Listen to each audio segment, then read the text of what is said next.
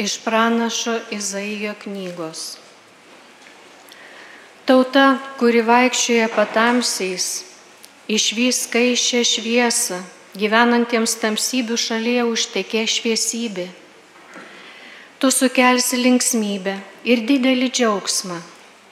Jie linksminsis tavo akivaizdoje, kaip linksminasi pjūties metu, kaip džiūgauja grobį dalyjant juk tu sutrupinsi juos slėgusi jungą, sulaužysi vergusi vėzdą, gainiotojo lasdą, kaip Midiano diena. Mums kūdikis gimė, sūnusgi mums duotas, ant jojo pečių viešpatavimas, vadins jį vardais, nuostabusis patarėjas, galingasis Dievas, amžinasis tėvas, taikos kunigaikštis, didijo valdžia ir taika begalinė. Valdys jis Davido sostą ir jo karalystę. Jis stiprins ir grys ją teisybę ir teisę nuo šiol ir per amžius. Kareivijų Dievo olumas šitai įvykdys. Tai Dievo žodis.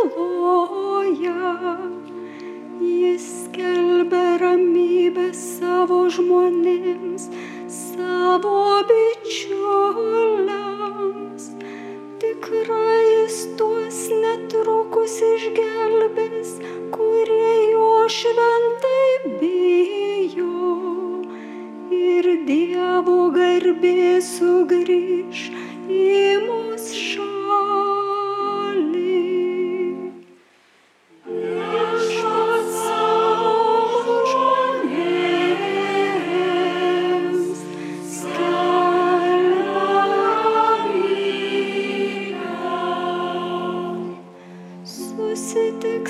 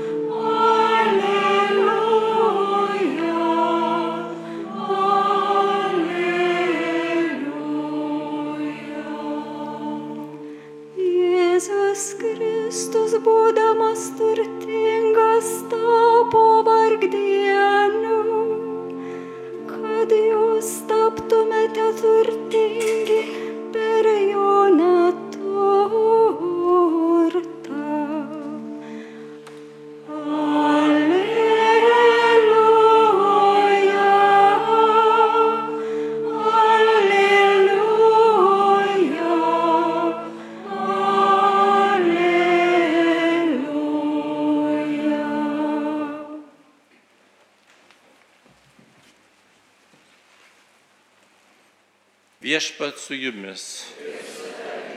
Pasiklausykite Šventojios Evangelijos pagal Luką.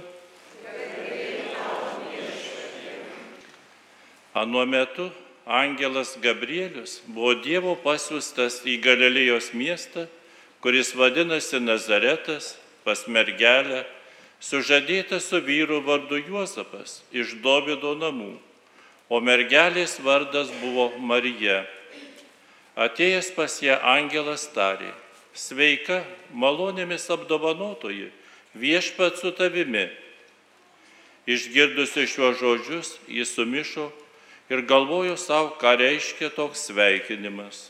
O angelas jai tarė, nebijok Marija, tu radai malonę pas Dievą.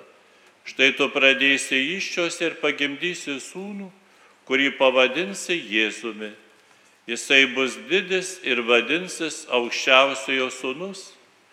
Viešpas Dievas duos jam jo tėvo Davido sostą, jis viešpataus Jokūbo namuose per amžius ir jo viešpatavimui nebus galo.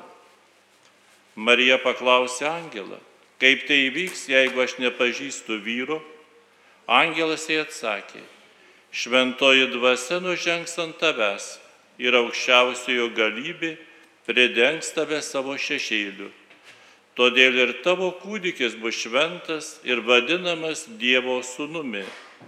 Antai tavoji giminaitė Elsbieta pradėjo sūnų senatvėje ir šis mėnuo yra šeštas tai, kuri buvo laikoma nevaisinga, nes Dievui nėra negalimų dalykų.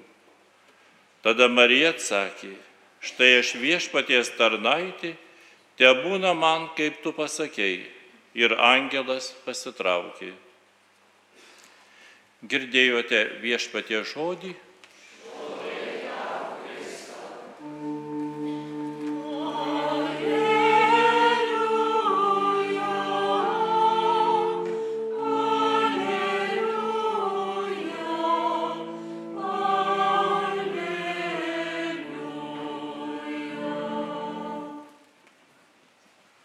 Brangus broliai ir seserys, šiandien švenčiame mergelės Marijos karalienės šventę, kuri tarsi apvainikuoja visą tą oktavą Marijos paėmimo į dangų.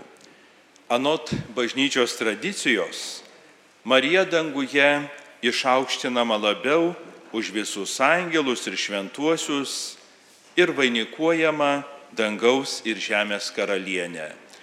Taigi tą, didžiulį išaukštinimą mes gebame išreikšti šiais žmogiškos garbės žodžiais.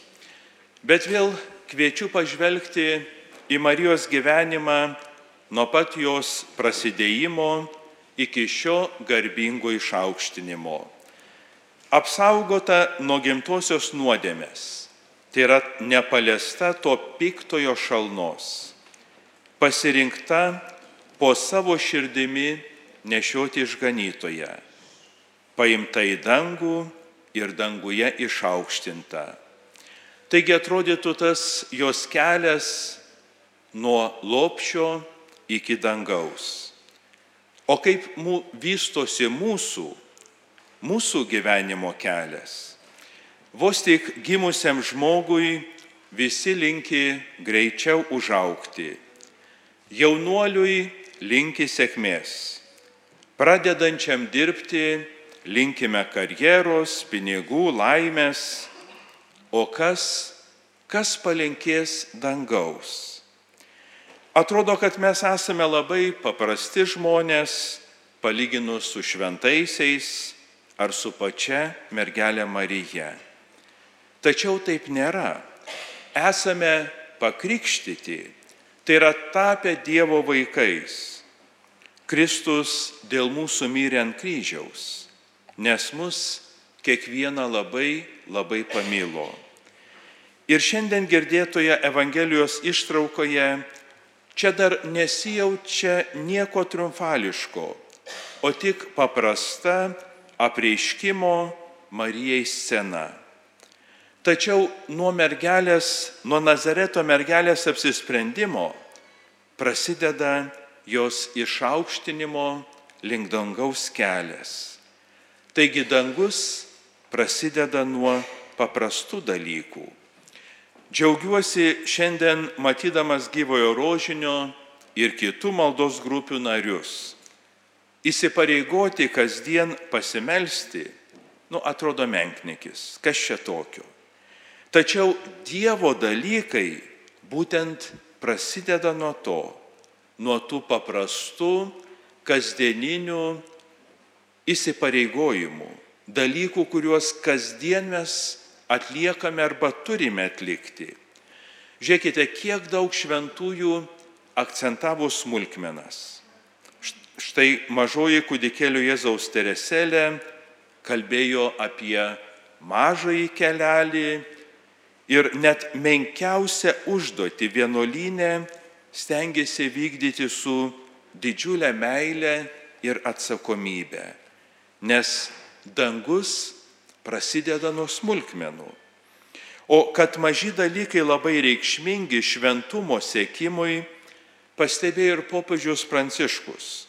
Laiške apie šventumą, gaudėte ir egzultatę, jis atkreipia mūsų dėmesį į smulkmenas, kurių mes gal ir nepastebėtume, nes ir pats Dievas išvelgia ir į smulkius dalykus.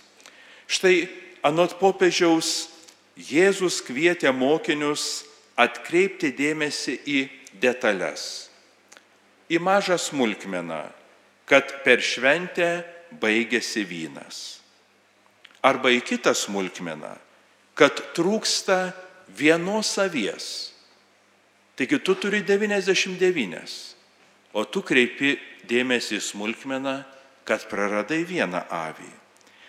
Arba viešpats atkreipia dėmesį į smulkmeną, kai našlė paukojo smulkiausią pinigą. Arba vėl smulkmena, jog reikia turėti aliejaus atsargos lempai, jei jaunikis vėluotų. Į smulkmeną, kad mokiniai pažiūrėtų, kiek kepalėlių duonos jie turi savo atsargų. Viešpats kreipia dėmesį smulkmeną, nes sukuria laužą kepti žuvę anksti rytą ir laukia mokinių. Taigi matome, kiek daug šventajame rašte yra tokių smulkmenų, kurios tampa labai svarbios Dievo akise. Nedidelės atrodo meilės smulkmenos, puoselinti bendruomenė yra prisikėlusio Kristaus artumo vieta. Ten, kur yra kreipiamas dėmesys į mažus dalykus, kreipiamas dėmesys į mažutėlius. Ten yra bendruomenė, kurioje prisikėlusio Kristaus artumas yra labai regimas. Aš manau, kad ypatingai ir tos maldos grupės, ar gyvojo rožinio, ar kitos, kurios kars nuo karto susirenka maldai, pajunta, kad kur du ar trys susirenka viešpaties vardu, ten ir pats viešpats yra tarp jų. Apie mergelės Marijos gyvenimą mes iš Naujojo testamento nedaug faktų te žinome. Tačiau tai, kas aprašyta, turi nepaprastai didelės reikšmės. Brangiai, praėjusią savaitę Telšių viskupijos pagėgių bažnyčioje kilo gaisras. Nudegė visas stogas. Kai aplankiau gaisravietę, ypač sujaudino tai, kad daugelį daiktų, paveikslų, statulų, kitų rakandų išnešus, bažnyčioje degančioje liko tie svarbiausi dalykai, kurių dėl jų didelio svorio ar pavojaus gelbėtojų gyvybei buvo nespėta išnešti. O kasgi liko? Priekyje stovi akmeninis altorius, Netoli jo stovi krikštikla, ant sienos centre kaba didžiulis kryžius, o po juo mergelės Marijos statula. Taigi apdegusioje bažnyčioje liko atrodo svarbus dalykai. altorius, krikštikla, Kristus ant kryžiaus, o po kryžiumi stovinti viešpaties motina. Atrodė, kad ta scena kaip iš Biblijos paimta. Marija tikrai patyrė daug išbandymų. Nesuprato Jėzaus misijos, tačiau viską svarstė savo širdyje. Bet didžiausias išbandymas po kryžiumi. Stovi motina skausminga, apgėdojo tradicinė gesmė. Stovi, o ne kaip nors ten plaukus nuo galvos raunasi iš skausmo. Ir stovėdama po kryžiumi, ji mums rodo tikėjimo tvarumą ir duoda pagrindinę pamoką - nepabėgti, kai sunku, bet išlikti iki galo. Maldoje taip pat labai svarbi yra ištvermė. Ne tik melstis, bet ir klausytis. Apie tai net yra tokia istorija. Bažnyčioje klupo vyras ir meldžiasi. Savo ilgos maldos pabaigoje jis ir sako, Dieve, juk bažnyčioje esame tik mes dviese, tu ir aš. Tai kodėl tik aš vienas kalbu, o tu tyli? Ir Dievas jam atsako, mano sunau, taip yra tik todėl, kad iš mūsų abiejų tik aš vienas moku klausyti. Ir tikrai, brangieji, mes Dievui prišnekame įvairių dalykų, bet ar mokame klausyti, ką Dievas mums kalba per šventąjį raštą, ar per bažnyčios mokymą, ar per laiko ženklus, tikriausiai nemokame. Todėl Dievas ir tyli, kad mes nesiklausome. Neveltui pagrindinė izraelito malda iki šios dienos liko ši - Šema Izraelį, klausyk Izraelį. Taigi Dievas iš anksto numatė, kad su kalbėjimu pas mus problemų nebus, bet va su klausa tai visi turime sunkumų. Daug kalbame, bet mažai klausome. O Marija taip pat atrodo ne viską suprato, ką Jėzus darė, bet jis varstė tuos dalykus savo širdyje. Tai reiškia, kad išgirdusi jį nepraleisdavo prausis, bet viską imdavo į širdį. Brangieji, baigiant šiuos atlaidus pivašiūnuose, matome labai aišku vektorių nuo paprastos Nazareto mergaitės iki karalienės. Matome labai ryškų judesi nuo žemės lygi dangaus. Tegul tad šis šventimas ir mums padeda prisijungti prie šios krypties, krypties link dangaus. Amen.